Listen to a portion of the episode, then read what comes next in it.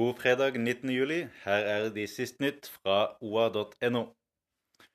Totospar i Gjøvik gjenåpner med nye eiere i dag, men under samme navn og konsept. Søskenparet Korab og Kosovare Krasniki sier imidlertid at de vil satse mer på lokale leverandører av bl.a. øl, og at det etter hvert kommer fotball og annen sport på skjermene på Totos. Folkeparken på Skreia har de siste årene forfalt kraftig etter at ildsjelen Olaf Dahl gikk bort.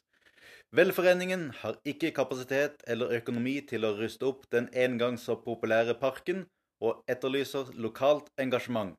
Ellers ser Folkeparken ut til å bli fullstendig overtatt av naturen.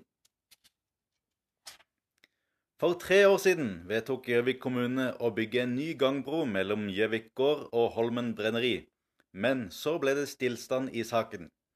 Rådgivningsselskapet Sveko har fått i oppdrag å utarbeide planforslag for broen, men sier til OA at de ikke har hørt fra kommunen det siste året. Les også sist nytt fra næringslivet, der du bl.a.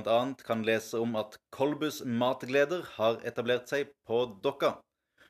Følg med på oa.no for de siste og viktigste nyhetene fra Oppland.